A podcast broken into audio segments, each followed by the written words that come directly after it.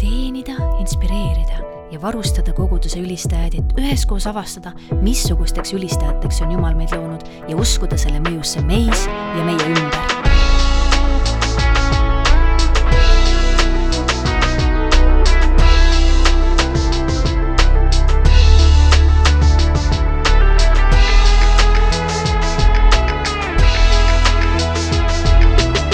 inspireeriv ülistus.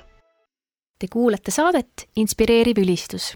mina olen Ragne Kivimets, ülistusmissionär Eestis ja täna räägime lauludest, mida koguduses laulame. sellel teemal on minuga koos vestlemas, võiks öelda, kaks selle ala spetsialisti.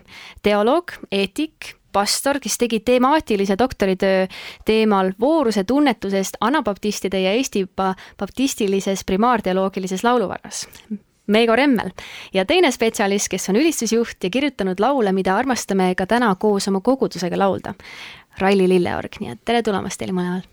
tere, tere! tere!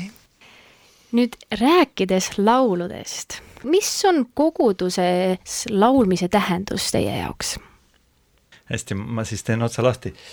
et äh, ma arvan, et see on üks unikaalne vorm terve koguduse ihuga kui kehandiga äh, asetuda Jumala ette, ülistada teda, kummardada teda, aga kogeda ka seda, et me teeme seda kogu oma ihuga, äh, ka inimesena, äh, terve oma olemusega, sest me tunnetame isegi oma keha vibreerimist, kui me laulame, eks ole, me kuulame seda, noh, mitu meelt on, on mängus kõik seda tehes ja ma arvan, et, et sellises vaimulikus elus on see unikaalne äh, kogemus, kus äh, korraga terve kogudus äh, vibreerib ühes Jumala ees.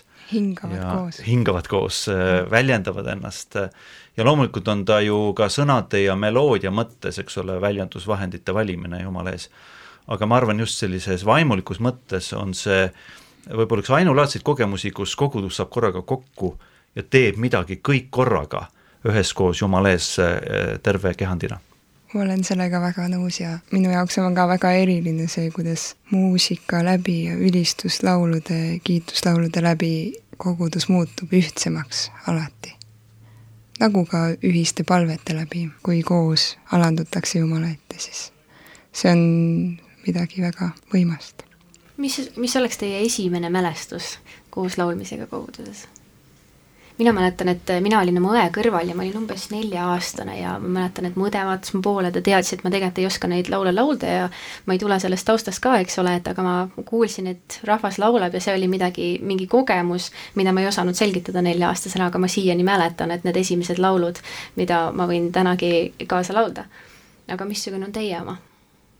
Kui sa nii küsid, siis kõige esimene mul tuleb ikkagi laste pühapäevakoolist, mis on ju ka koguduseks olemise vorm, kus äh, minu õpetaja Taimi Vanaselja, kes oli küll hoopis arst ja nii edasi, aga ta oli väga pühendunud õpetaja, õpetas meile, et mees ehitas maja liivale ja siis teine on mees ehitas maja kaljule ja siis, kuidas kõik käemärkidega tuli seda näidata, kuidas veevoolud ja, ja tuuled puhusid ja siis see koda langes ja teine ei langenud. et see on niisugune esimene, siis võib-olla teine on kuskil jõulu õhtul Nõmme baptisti koguduses, kus ma seisan koos teiste väikeste tegelastega ja küünlad käes ja, ja laulame ja see küünlarasv tilgub kuidagi käe peale ja palub hinnaga, pole midagi, tuleb laulda.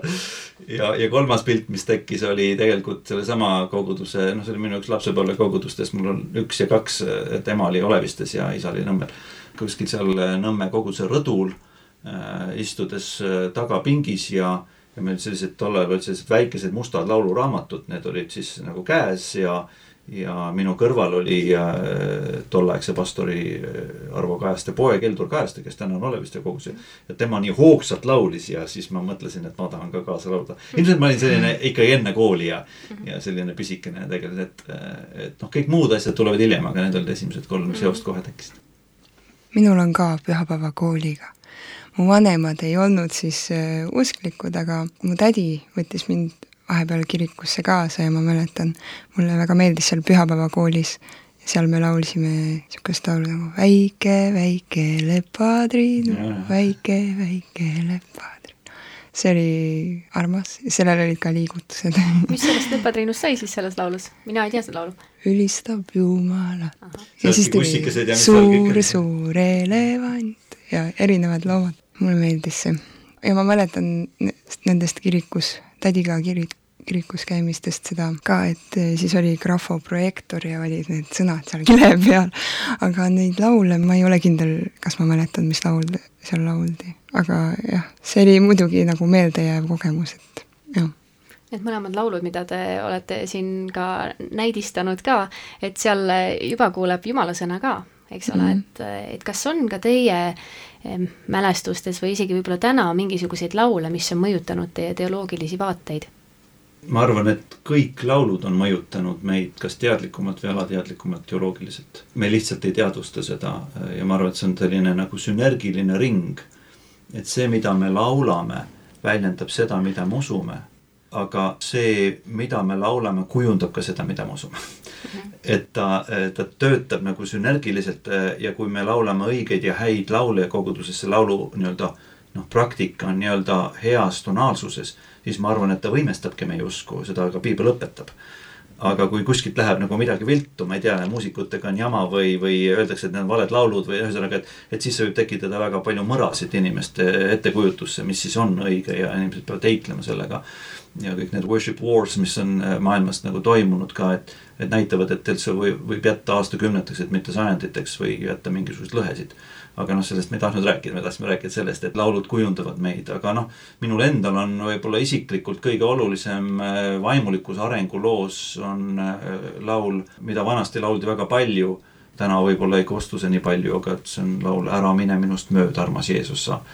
ja ma olin teismeline poiss, kui ma otsisin äh, Jumalat väga, väga olulisel hetkel oma elus, sellises nagu kriisihetkes ja ma mäletan, ma käisin siis jõulueelsel ajal, tol ajal oli küll nõukogude aeg ja ega kuuske ei olnud, aga noh, käisin mööda Tallinna vanalinna ja, ja, ja laulsin lihtsalt palveks seda laulu ja ja tegelikult Jeesus ei läinud mööda, Jeesus peatus väga kirkalt minu elus ja, ja muutis mu elu totaalselt sellest ajast. et, et hiljem on olnud muid laule ka, aga võib-olla see on üks nendest, mida, mida tahaks praegu öelda. ja mina olen tundnud ka väga tugevalt, kuidas laulud mind kujundavad. mul tuli meelde üks laul üks lastelaul tegelikult ka, aga ma mäletan, et sellel on nii tugev mõju olnud mingites hetkedes. niisugune kolmetuurikas oli. meil oli mingisugune lastelaulude kassett, selle sõnad olid niisugused. saatan tahab, et ma oleks õnnetu, et mu nägu oleks morn, et riidu läheks kõigiga ma alati, rikkuda ta tahab mind aga oma tahtmist tema küll ei saa, sest talle ütlen ma. tagane minust olen jumala laps, võta ära räpased käed. Jeesuse nimel olen jalge all ja ma kõnnin valguses, mul on rahu ja rõõm, käin õiguses, patust vaba olen ma, püha vaim minu sees ja ma elan võidukalt. mingi sihuke laul oli. ja see oli hästi tore laul, ma mäletan, et kui äh, ma olin nagu vennaga kaklesin näiteks või mingi sihuke asi, noh, siis see tuli mulle meelde. aga samas äh, mingitel hetkedel, kui mul see laul hiljem meelde tuli, see tekitas nagu küsimusi, et kas see on siis nagu saatan, kes on kuri või on see kurjus minu sees või nagu kõik need suured küsimused mm -hmm. ikka selles laulus nagu äh, kuidagi eh, kerkisid üles mm. -hmm. see oli nagu põnev, ma ei mäleta, kui vana ma olin, kui me selle, seda kasseti kuulasime, aga aga lihtsalt aastate jooksul see laul saatis ja see aitas ja samas olid mingid küsimused, mis käisid nagu sellega kaasas ja nende asjadega, millest need sõnad räägivad ma arvan, et see on väga hea näide, Ralli, eh, just sellest, kuidas eh, on mingi teoloogia, mis on väljendatud laulus, eks ole, aga teistpidi äh, see tekitab uusi ideoloogilisi küsimusi mm. -hmm. ja, ja, ja ma noh, ei, ei peagi minema sellesse laulu endasse arutlema, aga noh, see on väga selgelt näidatud ära mingisugune maailmapilt isegi mm, -hmm. mitte ainult, eks ole, et mingisugune konkreetne usutunnistus ja, ja mis siit veel tuli välja, on selline mingi narratiiv või noh, lugu, mida jutustab tegelikult see mina lugu mm -hmm. jutustaja et, et minu elus on niimoodi ja me saame samastada ennast ja ma kujutan ette, kui lapsed nüüd kõik korraga laulavad seda koos, et siis nad üksteist nagu ka kinnitavad selles mm, -hmm. et niimoodi ongi ja näed, tema elus on, minu elus on ja me kõik koos usume seda.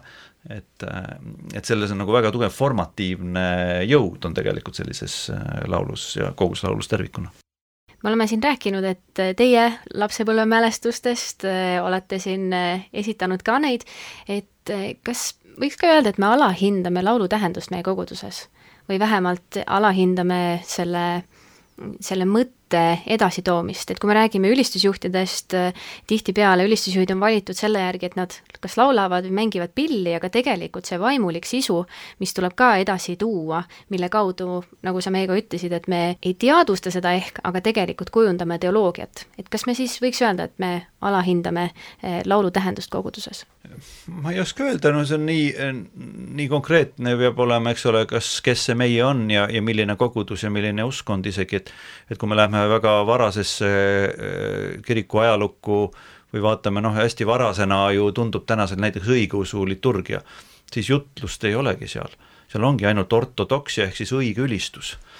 Ja, ja kõik ongi nii-öelda liturgilises mõttes Jumala ette asetumine ja kiitus ja ülistus ja, ja palve ja see kõik on tegelikult nii-öelda noh, ka musikaalses mõttes vaata, eks ole, et ei ole ka sellist rääkimist, vaid ongi noh, laulev see, see kõik aga noh, kui me vaatame tänast võib-olla niisugust vabakoguslikku maailma, kus me räägime sellisest noh, kitsamas mõttes ülistusest, siis siis ma arvan ka, et ülistus on pigem tõusnud väga kõrgele kohale ma mäletan oma lapsepõlve võib-olla aega, kus noh, jutlus ja tunnistus olid kohal ja, ja esitatav muusika, skoorimuusika või mingi solist laulis.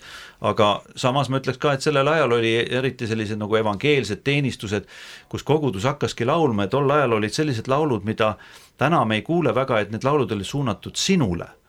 et mitte praegu Ralli laulis enne meile, eks ole, mina, mina, aga need on sina, et sina tule nüüd sind ootab Jumal, sinul on praegu uks avatud, eks ole, Jeesus ootab sind, Jeesus tahab sind muuta. Need olid evangeelsed laulud terve kogudus laulab. ja inimene, kes kogeb, et nüüd püha vaim tema elus tegutseb, et ta saab aru, et nüüd terve kogudus laulab talle seda laulu mm -hmm. ja ta peabki tõusma ja minema, eh, sest see on tema hetk mm. -hmm. nii et, et ma, ma ei julgeks öelda, et me alahindame eh, laulu tähtsust, ma pigem ütleks, et me alati ei teadvusta seda kui olulisel kohal see on. minu ajal, ütleme jälle selle vana mehena, eks ole, võin öelda, et öeldi, et, et noh, selline hea usklik või et oli kaks raamatut, oli piibliraamat ja lauluraamat. täna me oleme lauluraamatut ei ole vaja isegi, eks ole, aga, aga me vaatame, et sellel ülistusel ja laulul ja muusikal on väga keskne koht.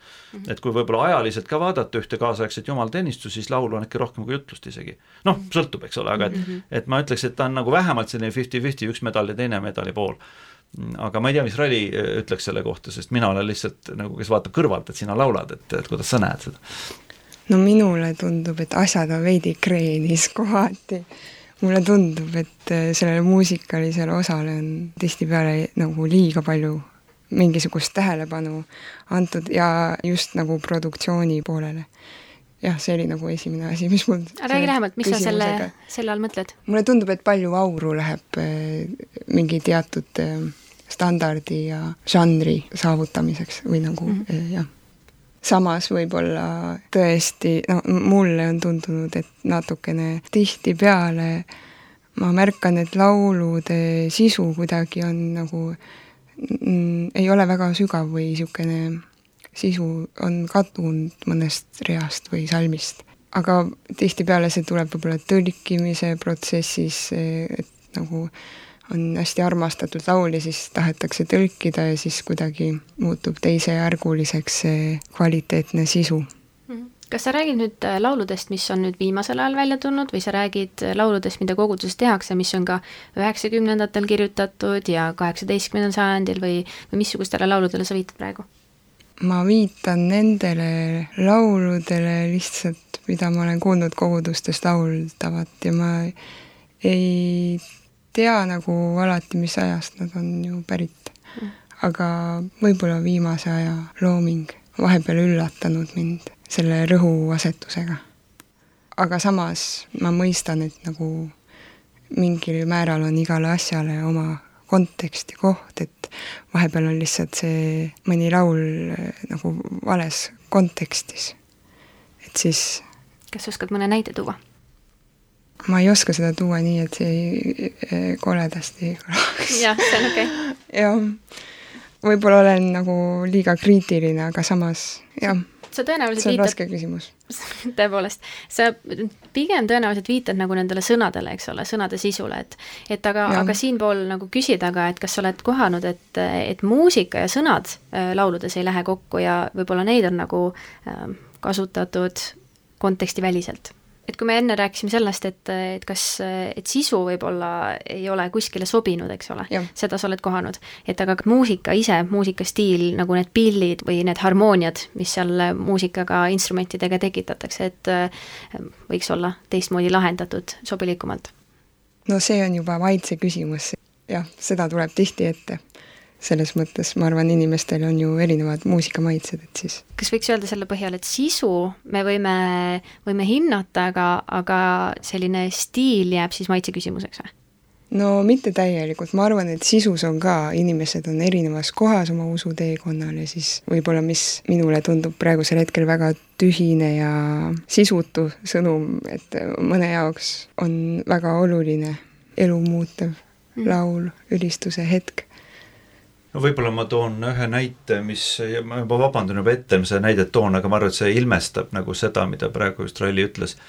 Et ma mäletan, kui kaheksakümnendate aastate lõpp oli, ma olin Tartus üliõpilane ja üks minu ütleme siis sõber tuli usule ja ta tuli niisuguse nagu suhteliselt kauge, kirikukauge tausta pealt, ta kuulas rasket rokki, ja siis noh, põhimõtteliselt oligi, et ta oli oma selle vaimuliku uuesti sünni, ülevalt sünni vaimu kogemuse saanud just ja järgmine päev oli Tartus kontsert, mida tegid Sõnajalad ja mis oli äh, Äh, noh, tohutult populaarne kaheksakümnendate lõpul mm, -hmm. nad ju noh, tuhandeid inimesi teenisid evangeeliumi, kuulutasid, inimesed usule läbi selle, kuulasid kassette ja nende läbimüük oli meeletu et Eestis ilmselt pole kunagi olnud ega varem ega hiljem tule ka mingit nii populaarset bändi, eks ole, ja, ja kõik see töötas.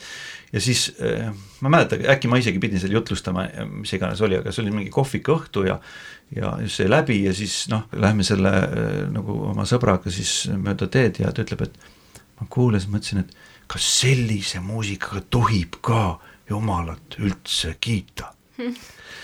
Tema kuulas sellist nagu noh, ütleme siis nagu kvalit-, Pink Floyd ja mingeid selliseid asju. ja, ja, ja, ja ta kuulab korraga nagu seda ja, ja tema jaoks on nii suured käärid.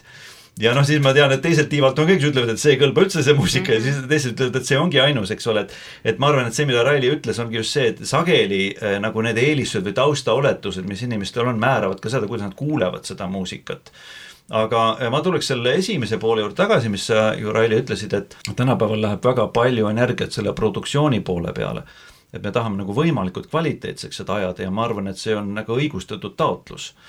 Aga eh, äkki see koroonakriis on ka meile näidanud seda, et korraga, kui võetakse ära saal ja valgustus ja mikrofonid ja kõik, et mis siis järgi jääb? mis on ülistus siis, eh, kui me ei saa seda teha nii, nagu me tahaksime seda teha või no me läheme veel ekstreemsemasse, mis on Põhja-Koreas ülistus Jumala ees. mis oli algkoguduses ülistus Jumala ees. Ja, ja seal praktiliselt pille ei mainitagi, sellepärast et eh, neil ei olnud neid võimalusi. oli hääl ja laul, mida loodi sageli sealsamas kohapeal vaimus. või siis olid hümnid, mida tunti, eks ole, või mida luulendati siis juurde. ja ma, ma olen ise nagu selles mõttes suhteliselt kõigesööjaks ikkagi muutunud, et kes olen mina et ma ütlen, et see kogudus, see koguduse ihu, kes siin praegu nagu Jumales on, ei või niimoodi ülistada Jumalat. Äkki Jumalal ei ole üleüldse äh, nii tähtis see, me, me ühesõnaga, piibel ütleb ka, et, et tooge oma parim, eks ole, kogu oma südamest lauldes, ütleb piibel ka. aga et, et kui see ei kõla nii hästi mäletate seda lugu, eks ole, kus üks naine toob oma selle alabasterristaga noh, tohutu nardisalvi ja see on nagu raiskamine, kõik Jeesus ütleb, aga tegi seda minu jaoks. et äh, ma ei taha nagu öelda, et me ei peaks oma parimat tooma. aga et, et teistpidi ma, ma, ma seisan nagu pühal maal ja võtan jalad paljaks pigem, eks ole, ja ütlen, et, et, et see on selle inimese või see on selle koguduse parim, mille nad praegu toovad. ja, ja see on püha selles mm -hmm. mõttes. huvitav mõte, jah. mind on lihtsalt nagu pannud mõtlema see, et vaadates nagu, mille peale näiteks äh, kuluvad koguduse finantsid või nagu, et kohati tundub, et nagu see nagu näitab midagi ja siis samas, kui tundub, et nagu koguduse vaimuelu on kuidagi kuivavõitu või koguduse inimeste usk nõrgake, et siis tundub justkui, et midagi on nagu tasakaalust väljas. aga äkki seal on ka kuskil ikkagi see, et mis motiiv on ja noh, äh, on ju äh, ülistusmuusika maailmas on praegu äh, ju ka üks väga kuulus laul, ma ei julge praegu hakata seda laulma ega ümisema, aga et see, et mis see tõeline ülistus on, et tegelikult see tõeline ülistus ei ole muusikas mm. -hmm. tõeline ülistus ei ole, eks ole, selles nii-öelda produktsiooni poole peal, vaid yeah. see, kes ma tõeliselt ise olen Jumala ees ja noh, kui ma vaatan piiblist, eks ole, selles saadetes on siin olnud varem ka ilmselt juttu sellest, et mis see ülistus endast kujutab tegelikult, et et äkki see on ikkagi süda ja motiiv, mis tuhab Jumala ette tulla ja noh mm -hmm., kui ma vaatan nagu ütleme, Eesti eh, ülistusmaastikku, et, et paar inimest, kes on minu jaoks nagu olnud nagu erakordsed talendid selles mõttes, on näiteks Hannes Nõlvak või Timo Lige või Ralli sa ise ka, et inimesed, kes eh, ei püüa taotleda nagu seda, et see oleks, eh, ma ei tea, pakendatud parimalt või et noh, et see oleks nii professionaalne või vaid nad toovad selle siira olemise, mis nad, mis nad endast on üldse Jumala ees ja, ja sageli havatavuse ja hapruse ja, ja katkiolekuid ka isegi Jumala ette. ja see on nagu psalmid, Vanas Testamendis. Me näeme, et eh, seal on kõike, seal on hala, eh, seal on kiitust, sageli on nagu kõrged mäed ja suured orud, aga et, et, et mis on üldse tähtis, on hoopis see siirus Jumala ees, eh, mida Jumal hindab, eks ole, ja ja, ja kui Taavet laulab, ta on pattu teinud ja ütleb, et puhasta mind hiisopiga ja nii edasi, et siis Jumal annab talle armu selle juures, et, et need on nii suured teemad, nendest võiks pikalt mm -hmm. rääkida, aga, aga noh, need mõtted mis nõude annaksite siis nendele kuulajatele, kes ise ka teenivad ülistusvaldkonnas koguduses? et missuguseid äh, laule, nad ju tegelikult enamasti, inimesed kogudustes laulavad neid laule, mis on kellegi teise poolt kirjutatud. ja, ja me näeme seda kvaliteeti äh, hoopis teistsugusena kui see, mis meil endal koguduses võimalused on. ja kui me siin oleme rääkinud, et produktsioonile me ei peaks nii palju rõhku panema, et aga, aga mida siis mis, mis nõude neile annate, et kuidas siis teenida selle lauluvalikuga ja, ja selle eh, laulude laulmisega ka kogudusega? no mina olen püüdnud eh, küsida Jumalalt nõu selles osas palves ja lihtsalt siis vaadanud laule, mõelnud eh, sellele hetkele, milles minu kogudus on ja, ja on hetki, kus ma olen nagu kiusatuse ees valida mingi laul, mis võib-olla stiililiselt mulle meeldib, aga ma näen, et mu kogudus näiteks ei ole praegu selles kohas kuidagi või see ei tundu eh, nagu sobiv, et siis ma olen selle laulu kõrvale jätnud. ja mõnikord, kui ma olen selle ikkagi oma kangekaalsusest valinud, siis kohe sellel näiteks pühapäevasel hetkel ma laulan seda seal ees ja tunnen, et nii kehvasti valisin mm. -hmm äkki siin eh, noh, jälle pastorina ma, ma võiks ka eh, lisada seda aspekti, et on hästi oluline omavaheline kommunikatsioon mm -hmm. nii-öelda koguduse juhtide või selle sõnumi osas, mida üldse kogudus peaks kommunikeerima tänasel päeval siin mm. -hmm ja, ja, ja muusikud, et, et ma, ma olen hästi palju hakanud hindama seda, et et see ei ole nagu ühe inimese otsustada ka, mida siis kogudus peab kuulma või laulma mm, -hmm. vaid et, et me üheskoos nagu tunnetame seda ka ja, ja katsume läbi et, et kui ma kujutan ette ka Raili, et kui sa oled mingis muusikagrupis või ülistusgrupis, kes teenib koguduses ja sa ütled, et aga ma sain eile õhtul laulu, nüüd me peame seda laulma. et seda katsutakse tegelikult natuke läbi, et kas see tänasesse päeva sobib mm -hmm.. võib-olla see on hoopis laul, mida sina üksi peaksid esitama, teised kuulavad ja on äh, väga puudutatud mm. -hmm. et kas me kõik peame hakkama seda laulma, mis sulle äh, oli, eks ole, sinu eneseväljenduse mõttes Jumala ees. ja ma arvan, et jutlustega on samamoodi, et äh, võib-olla on muusikuid ja jutlustajaid, kes on teeninud ära sellise platvormi või sellise autoriteedi, et ükskõik, mis päeval nad lähevad, ütlevad, et nüüd ma sain selle südamesse, kõik kuulevad, ütlevad, see on jumalast. aga enamasti tuleb tegelikult seda ikkagi läbi katsuda ja mm, -hmm. ja, ja kuulata üksteist ka. et, et kui su küsimuse juurde võib-olla tagasi tulla, et mida, mida peaks siis muusikud tegema, et ma pastorina ütlekski, et et, et suhelge mm, -hmm. et suhelge omavahel eh, muusikutena, te oskate üksteist palju rohkem hinnata ja aidata, võib-olla siin ka kriitiliselt hinnata, aga teistpidi suhelge ka nagu koguse juhtidega ja, ja, ja vaadake, et eh, mis millal eh, sobitub. ja, ja siin on muusikasiilis täpselt samamoodi ja, ja isegi see sõnum, mida laul siis antud juhul kannab mm. -hmm. kas on ka laule, mida me ei peaks laulma või valima, et koos kogudusega neid laulda? no ilmselgelt need laulud, mille sisu ei ole niisugune, mis võiks olla nagu koguduse ühine palve või ühine üleskutse või ühine tunnistus. no ma tooks äh, kaks äh, nagu väidet ja no kiriku ajaloost, eks ole, et äh, Kalvin ütles niimoodi, et laulda tuleks ainult piibli tekste, näiteks siis psalme. Miks, sellepärast et muidu äkki sa laulad hereesiat, äkki see laul, mille sa ise lood, on valeõpetuslik ja nüüd sa õpetad koguduse ära, eks ole, nii nagu gnostikud seal varakiriku ajal, et nad laulsid äh, oma valeõpetust ja inimestel jäid laulud meelde, nad laulsid, ümisesid neid kaasa ja kodus ka ja lõpuks oligi see õpetus levis nagu väga hästi.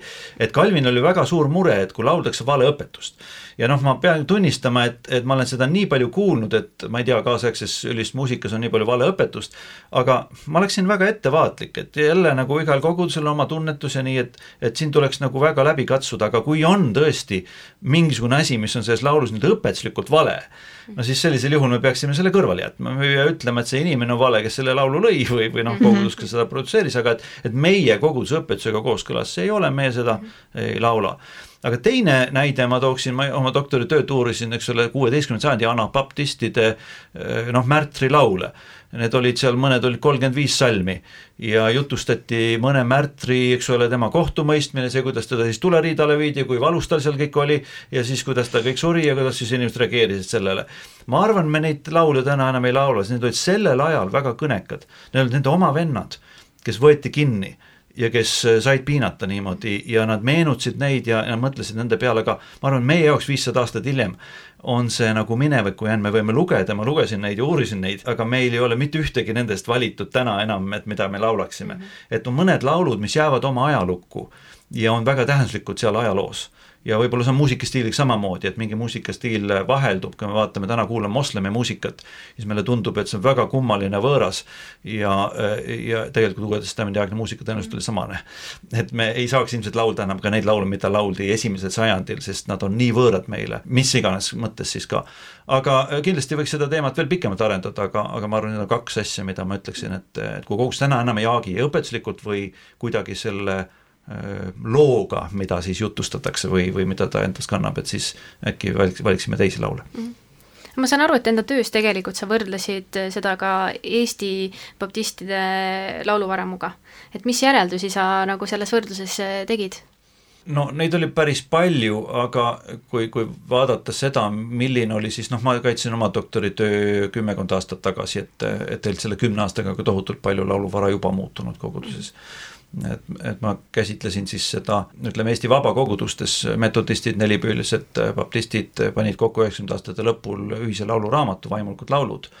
Ja ta oli Eesti kiriku loos või vabakoguste loos vähemalt oli esimene nii-öelda kanoniseeritud äh, lauluvaramu, äh, mille kohta nii-öelda siis komisjon ja teoloogid ja kõik ütlesid, et see on see laul, mida meie laulame, need kuussada kogus või palju neid seal on, eks ole, äh, need laulud ja, ja varem olid alati mingid sensorid või mingisugused ahistused, et ei saanud nagu vabalt valida kõiki neid laule sinna sisse, et teda võib käsitleda niimoodi. aga kui nüüd võrrelda seda näiteks selle kuueteistkümnenda sajandi anabaptismi lauluvaraga, siis on äh, ajastulised erinevused tol ajal olid, enamasti olid kas siis jutustavad laulud, nagu ma rääkisin, või oli väga palju niisugune meie vormi.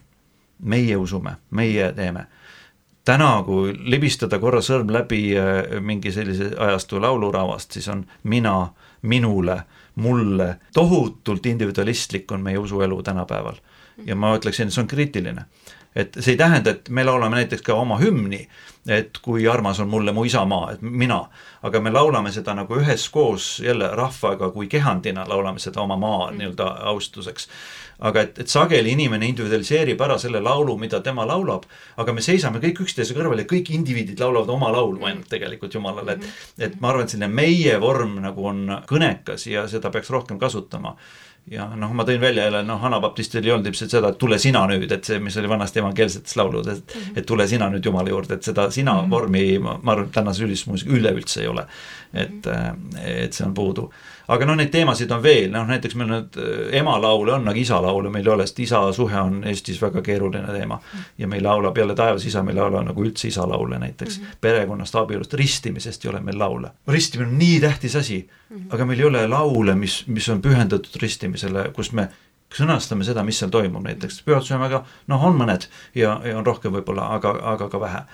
nii et äh, neid teemasid on tegelikult äh, palju kas äh, Raili, sina tooksid, äh, on sul veel mõtteid, mida, mis meie lauluvaramus täna puuduvad? minu arust on võib-olla natuke puudust äh, lihtsalt kiituslauludest. et on hästi palju laule mingist olukorrast, keerukusest ja kuidas Jumal saab sellest välja tõmmata, Jumala ustavusest ja see pole sugugi halb, aga ma olen tundnud, noh näiteks psalmides on ka nagu neid hetki väga palju tegelikult, kus see psalmist pöörab oma silmad Jumalale ja lihtsalt kiidab ja tänab teda. ja see on see hetk, kus ta isegi saab vabaks. tal tuleb meelde see, et kõik on Jumala käes, ta oma suuga nagu tunnistab Jumala kõikvõimsust ja vägevust ja kõike seda. mina olen tundnud, et see on nagu kinnitanud mind tugevalt, kui ma jah, ei laula sellest nagu olukorrast, vaid lihtsalt Jumala vägevusest, headusest, ustavusest ja kui ma olen pühapäevaks laule valinud, siis nendest on puudust olnud. aga sa oled ka laulukirjutaja, et mida sina laulu kirjutamisel silmas pead, mida sa pead oluliseks?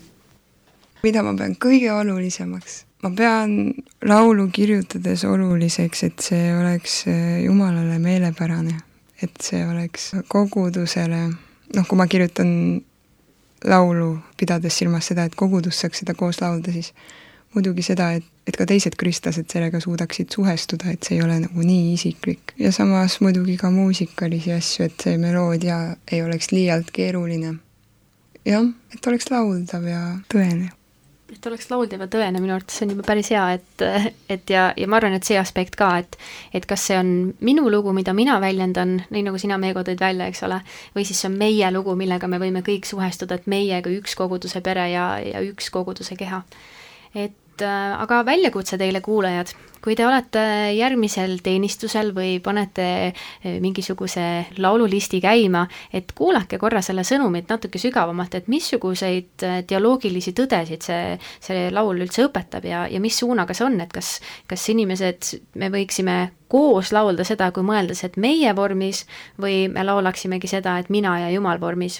Me oleme üpris lõpukorral selle vestlussaatega ja nii nagu ikka, ma küsin oma vestluskaaslastelt eh, selle viimase küsimuse, mis võiks aidata siis neid, kes eh, on alles alustamas siis ülistusvaldkonnas teenimisega või, või mõtlevad selle peale. nii et eh, küsimus kõlab niimoodi, et lõpeta minu lause. oma teenimise alguses ma oleks tahtnud teada, et kui ma mõtlen nüüd pastorina teenimist, siis äh, mina alustasin üheksakümnendate aastate kohe alguses ja ma mäletan seda aega, kui ei olnud veel piisavalt lauluraamatuid ka ja siis käis laulmine niimoodi, et äh, pastoril oli lauluraamat ja tema äh, laulis või ütles sõnaliselt salmid ette ja siis kogudus laulis järgi nende sõnadega, see käis nagu regilaul umbes. et pastor laulis ette või ütles need sõnad ette ja siis kogudus teadis, mis sõnu laulda ja siis lauldi niimoodi. Ja mis sealt kuvandis, et minule jäi, oli see, et pastor on see, kes valib laulud. ja ma arvan, üks viis aastat vähemalt Kalju koguduses pastor olles eh, ma valisin eh, iga pühapäev nii hommikul kui õhtul olid meil teenistused ja, ja nädala sees oli ka veel ja, ja ma valisin kogu aeg laule. ja alles siis meil oli muusikute nõupidamised ja kõik igasugused asjad ja siis alles nagu hakkasin ma nagu aru saama, et, et mina ei ole ilmselt kõige parem seda tegema. esiteks noh, ma ei ole muusik, teiseks kui mina valin neid, siis sageli suva on minu käes nagu, aga et, et kus on see koguduse laul siis, mida kogudus valiks või et, et kes teine on hääl nagu, kes seda ütleb ja, ja pean tunnistama, et oli ka neid teenistusi, kus ma lihtsalt äh, keset nagu kuulad jutlust või ütled jutlust ja siis noh, teed lahti lauluraamatu, ütled nüüd laulame seda laulu, eks ole, et see oli täiesti juhuslik et oleks ma nagu seda enne teadnud, ma oleks võib-olla kogudusel olnud nagu parem pastor. või oleks osanud nagu mõelda seda, ma õppisin seda nii-öelda hard way sellises nagu katse-eksituse meetodil, et tegelikult, et, et ja siis oligi, noh, lõpuks oligi nii, et, et muusikud valisid need laulud ja siis me suhtlesime, et mis laulud on ja kuidas nagu sõnum on ja, ja panime neid asju kokku, et et, et äkki, äkki see on see, mida, mida ma siis olen õppinud ka ja mida ütleks, et et rohkem suhtlemist ja las iga and teenib ise. et ei ole niimoodi, et, et üks teenib ja teised kõik istuvad ja kuulavad. suurepärane, Raili, kuidas, kuidas sina? see on nii huvitav, et sa ütlesid niisugust asja, sest mina just mõtlesin, et ma oleks äh, tahtnud teada seda, et, et ma võin nõu küsida, et ma võin arutada, laule valida näiteks koos pastoriga või et alguses ma ei tulnud selle peale. aitäh teile tulemast ja vestlemast Äh, ma arvan, et täna me oleme ainult puudutanud pinnapealselt, et mis laule me koguduses laulame ja siit võiks veel edasi minna, aga, aga ma loodan, Raili, et sina jätkad laulude kirjutamist, mida me laulame. Te olete kuulanud saadet Inspireeriv ülistus, mina olen Ragne Kivimets ning minuga on stuudios olnud Meego Remmel ning Raili Lilleorg, kohtumiseni